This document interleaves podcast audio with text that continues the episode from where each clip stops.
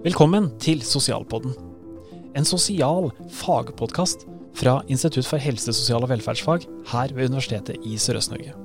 Du vil bli kjent med noen av de temaene vi underviser i her ved vernepleier- og barnevernspedagogutdanningene, og du vil også høre noe fra de spennende eksterne foredragsholderne vi bruker. Så len deg tilbake og lær noe nytt.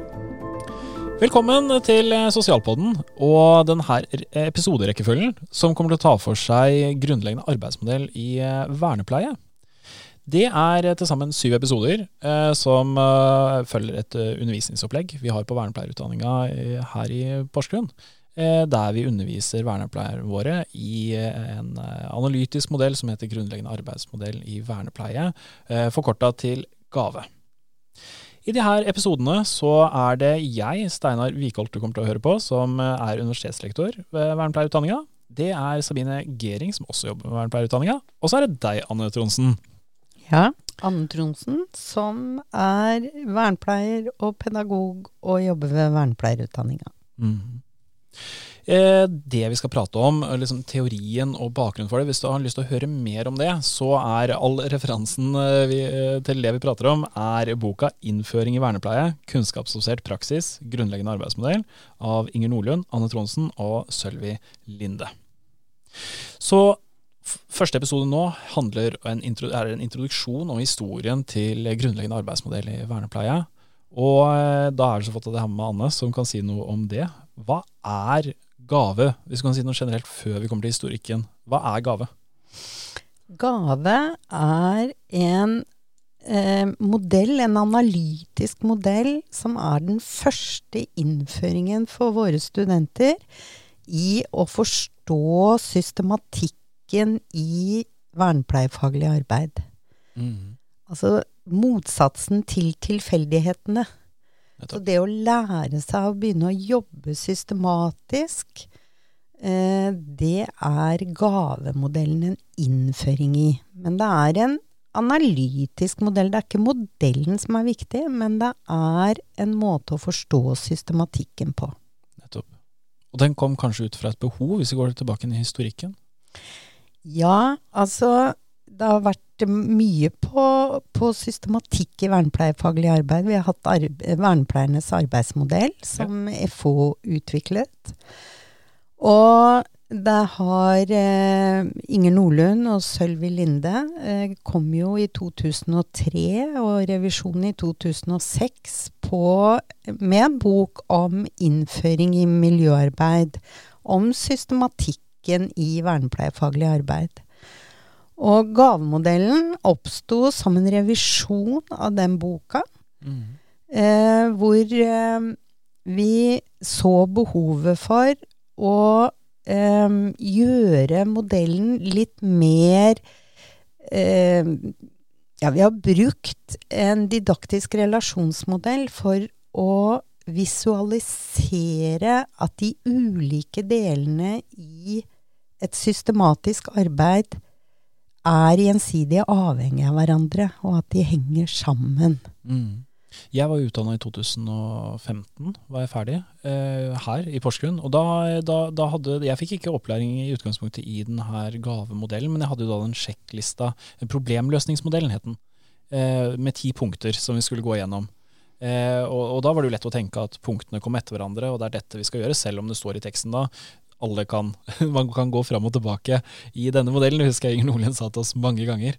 Og det var jo da et poeng, eh, at, at den er litt mer dynamisk. Ja, den første modellen eh, Visuelt så var den lineær. Mm. Eh, for det om det, som du sier, i teksten hele veien sto at dette må ses i sammenheng.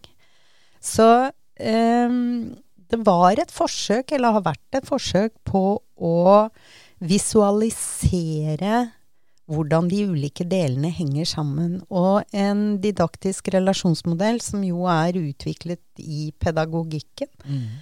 er jo nettopp en måte å visualisere hvordan vi er ulike delene er gjensidig avhengig av hverandre.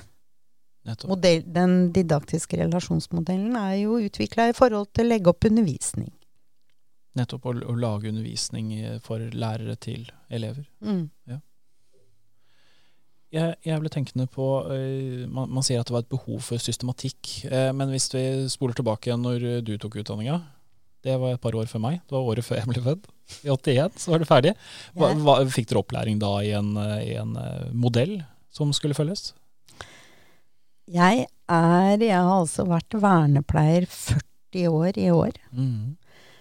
Og vi hadde også systematikk, men vi hadde ikke disse analytiske modellene. Men vi lærte jo selvsagt hvordan vi måtte kartlegge før vi laget tiltak osv. Den gangen jeg ble utdanna, så var det jo eh, var jo dette med atferdsterapi veldig aktuelt i forhold til tiltak til mennesker med utviklingshemming. Nettopp.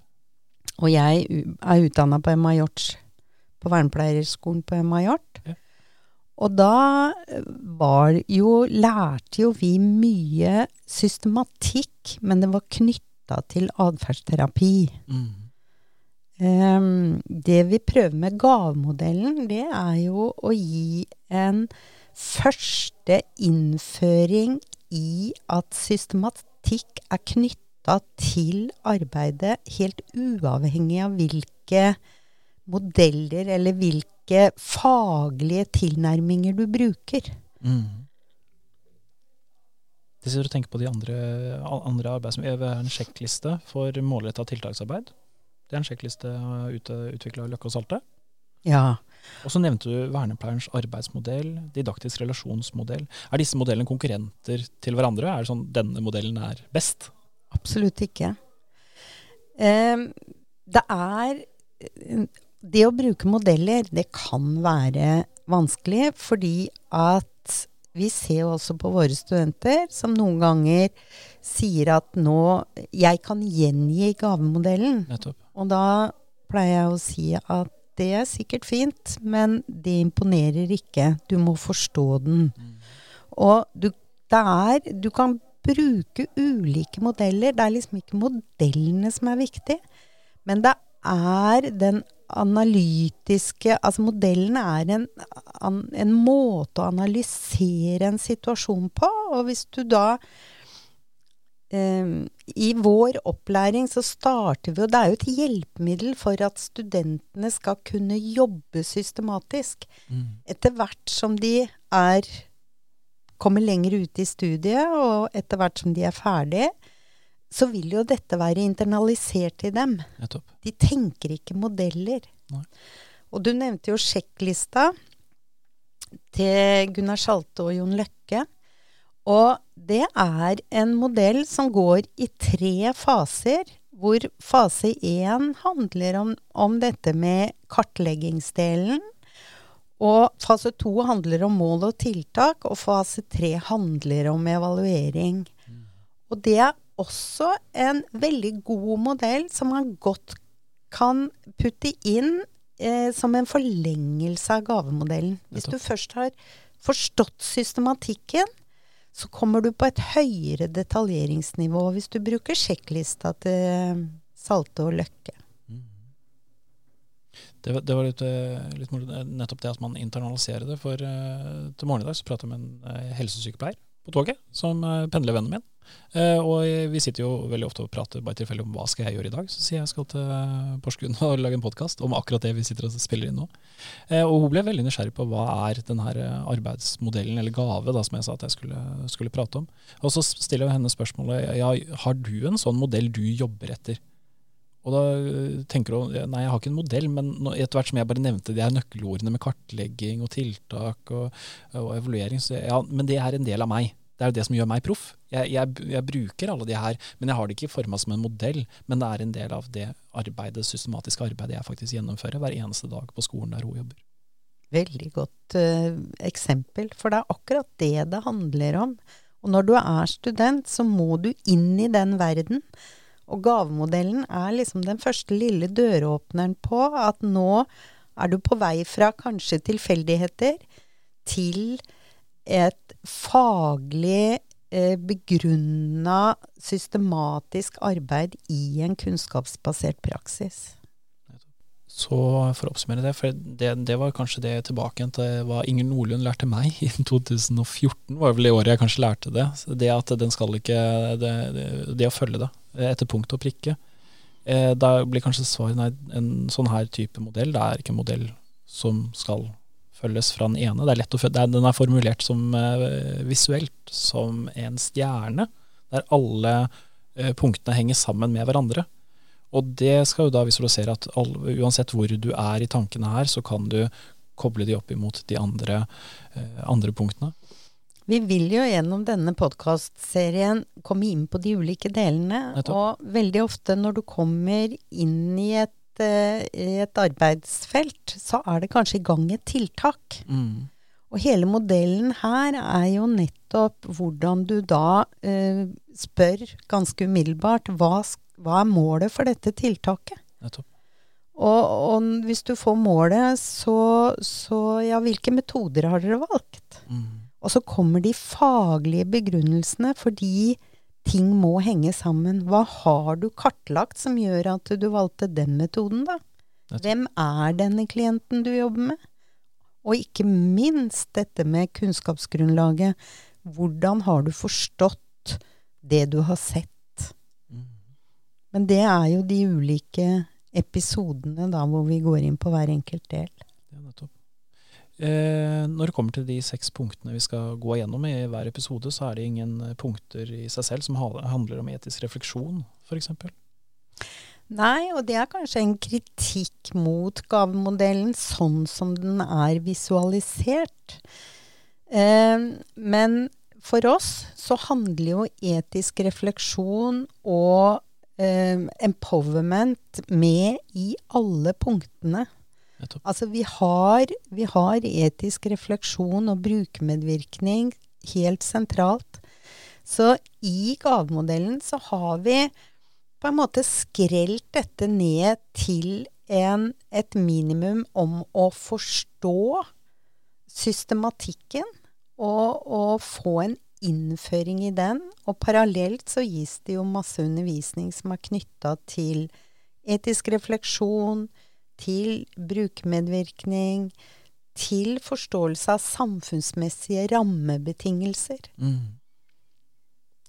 Vi sier jo at vernepleierne plasserer seg i gapet mellom samfunnets krav og individets forutsetninger, altså den velkjente gap-modellen. Mm. Og det betyr jo at vi jobber både mot samfunnets krav. Altså vi kan være med å påvirke eller endre samfunnets krav. Og så kan vi være med å påvirke og styrke individets forutsetninger. Og det er jo inn i dette gapet for kanskje å minske samfunnets krav og styrke individets forutsetninger at vi kan bruke gavemodellen som vår systematiske arbeid i miljøterapi. Og med de fine ordene så tror jeg vi skal runde av en intro-historikk til gavemodellen. Og så blir jeg spent, og er det bare å glede seg til å høre på de andre episodene. Takk, Anne. Bare hyggelig.